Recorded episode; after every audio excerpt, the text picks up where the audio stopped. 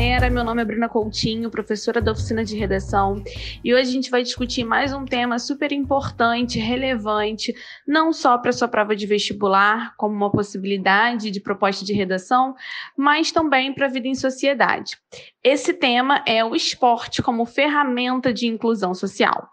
Bem, para começar, a gente já precisa ter o senso crítico e reflexivo de perceber que, apesar de ter um grande potencial de integração, de inclusão social, o esporte, na prática, não se concretiza dessa forma no Brasil. Como contextualização desse tema, a gente pode pensar em duas possibilidades, na verdade são em várias, mas eu vou elencar aqui para vocês duas, que são a primeira delas, o contexto da Grécia Antiga, em que surgiram os Jogos Olímpicos justamente como uma tentativa de gerar amizade e integração entre os povos. Então, a partir dessa contextualização histórica, vocês podem dizer que na sua é, origem os esportes já tinham esse intuito de integração, mas nos dias de hoje a gente ainda enfrenta alguns desafios para concretizá-lo na prática. Outra possibilidade de contextualização para esse tema é pensar no caso concreto e muito conhecido no Brasil da atleta judoca Rafaela Silva, que nasceu numa comunidade, vem de uma família humilde,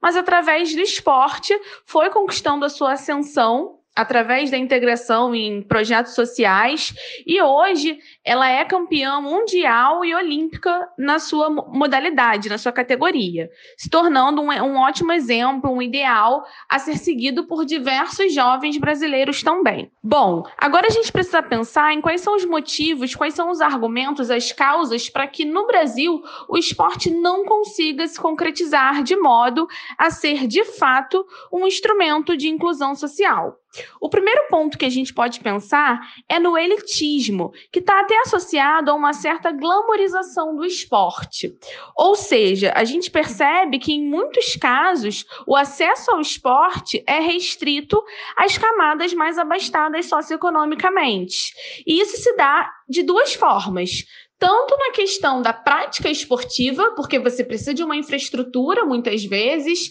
você precisa de um auxílio, de um acompanhamento profissional, e a gente percebe que quando não há um dinheiro para investir nisso, colocando a criança, o adolescente é, em uma aula de natação, por exemplo, em uma academia, ou em uma escolinha de judô, em uma academia né, voltada para lutas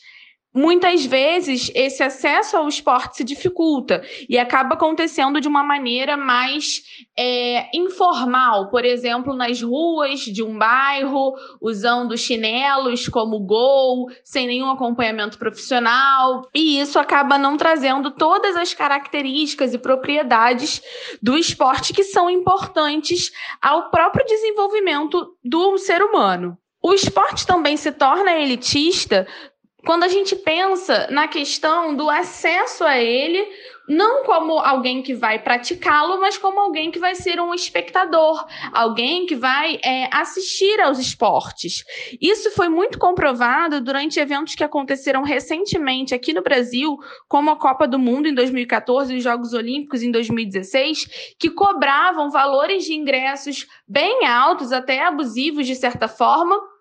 tornando-se inacessíveis para as populações é, que pertencem às classes mais baixas. Então, certamente, o elitismo que vem associado a uma glamorização do esporte faz com que esse deixe de estar, deixe de estar presente na vida de toda a população, não tendo a sua função inicial de integração, de inclusão.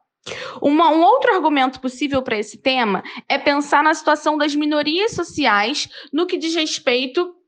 ao esporte se a gente pensa principalmente na população com deficiência, nas pessoas que têm deficiência, a gente percebe que muitas vezes o acesso ao esporte para elas não é o ideal. Aliás, não são só as pessoas que têm com deficiência que passam por isso. Os próprios idosos, que muitas vezes por conta da fase da vida necessitariam de uma prática esportiva, também têm dificuldades. E aí isso já dialoga até com o argumento anterior, quando você coloca em comparação um idoso mais rico com um idoso mais pobre. Você percebe que aquele idoso mais rico, rico muitas vezes vai ter a possibilidade de frequentar uma academia, fazer um pilates, uma aula de hidroginástica,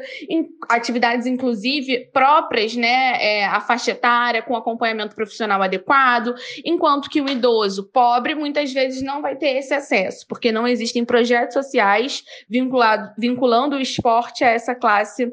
essa faixa etária. E voltando à questão das pessoas com deficiência, isso a gente pode perceber nas próprias aulas de educação física, ou seja, já começa na infância, nas escolas. Muitas vezes essas aulas não são pensadas é, e concretizadas, realizadas, de modo a incluir de fato os alunos e alunas com deficiência, o que se torna um problema e que mostra que, na prática, Aquilo que é garantido pela Constituição de 88, sendo dever do Estado fomentar práticas desportivas formais e não formais como um direito do cidadão, não se concretiza. A gente tem uma determinação constitucional, mas que na prática, para diferentes grupos que é, são e se encaixam, né, como minorias sociais, isso não acontece. Para fechar essa redação com chave de ouro, a gente precisa pensar em possíveis propostas de intervenções. Uma delas, para fazer com que o, o esporte deixe de estar limitado às classes mais, mais altas e se torne mais democrático, seria, viria das próprias ONGs, que poderiam investir em mais projetos sociais criados em regiões menos abastadas economicamente, como, por exemplo, as favelas, assim como aconteceu com a Rafaela Silva para que as classes mais baixas possam ter acesso a práticas esportivas com acompanhamento profissional, com regras e com todas as demandas que, uma, que um esporte exige.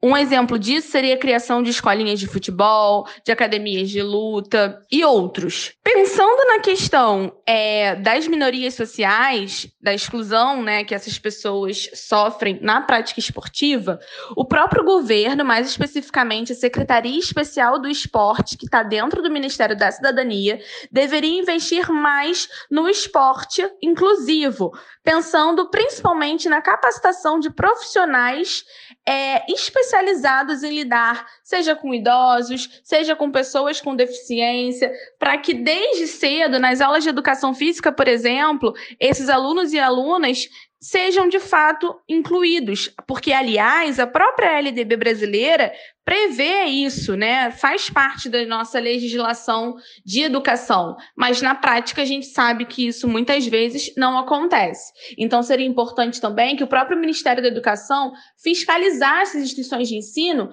para verificar se de fato as práticas esportivas, as aulas de educação física que acontecem nas escolas incluem todos os estudantes. Bom, gente, espero que vocês tenham gostado da discussão que a gente trouxe aqui e agora estejam mais seguros para fazer uma redação excelente sobre o esporte como ferramenta de inclusão social no Brasil. Um beijo e até a próxima.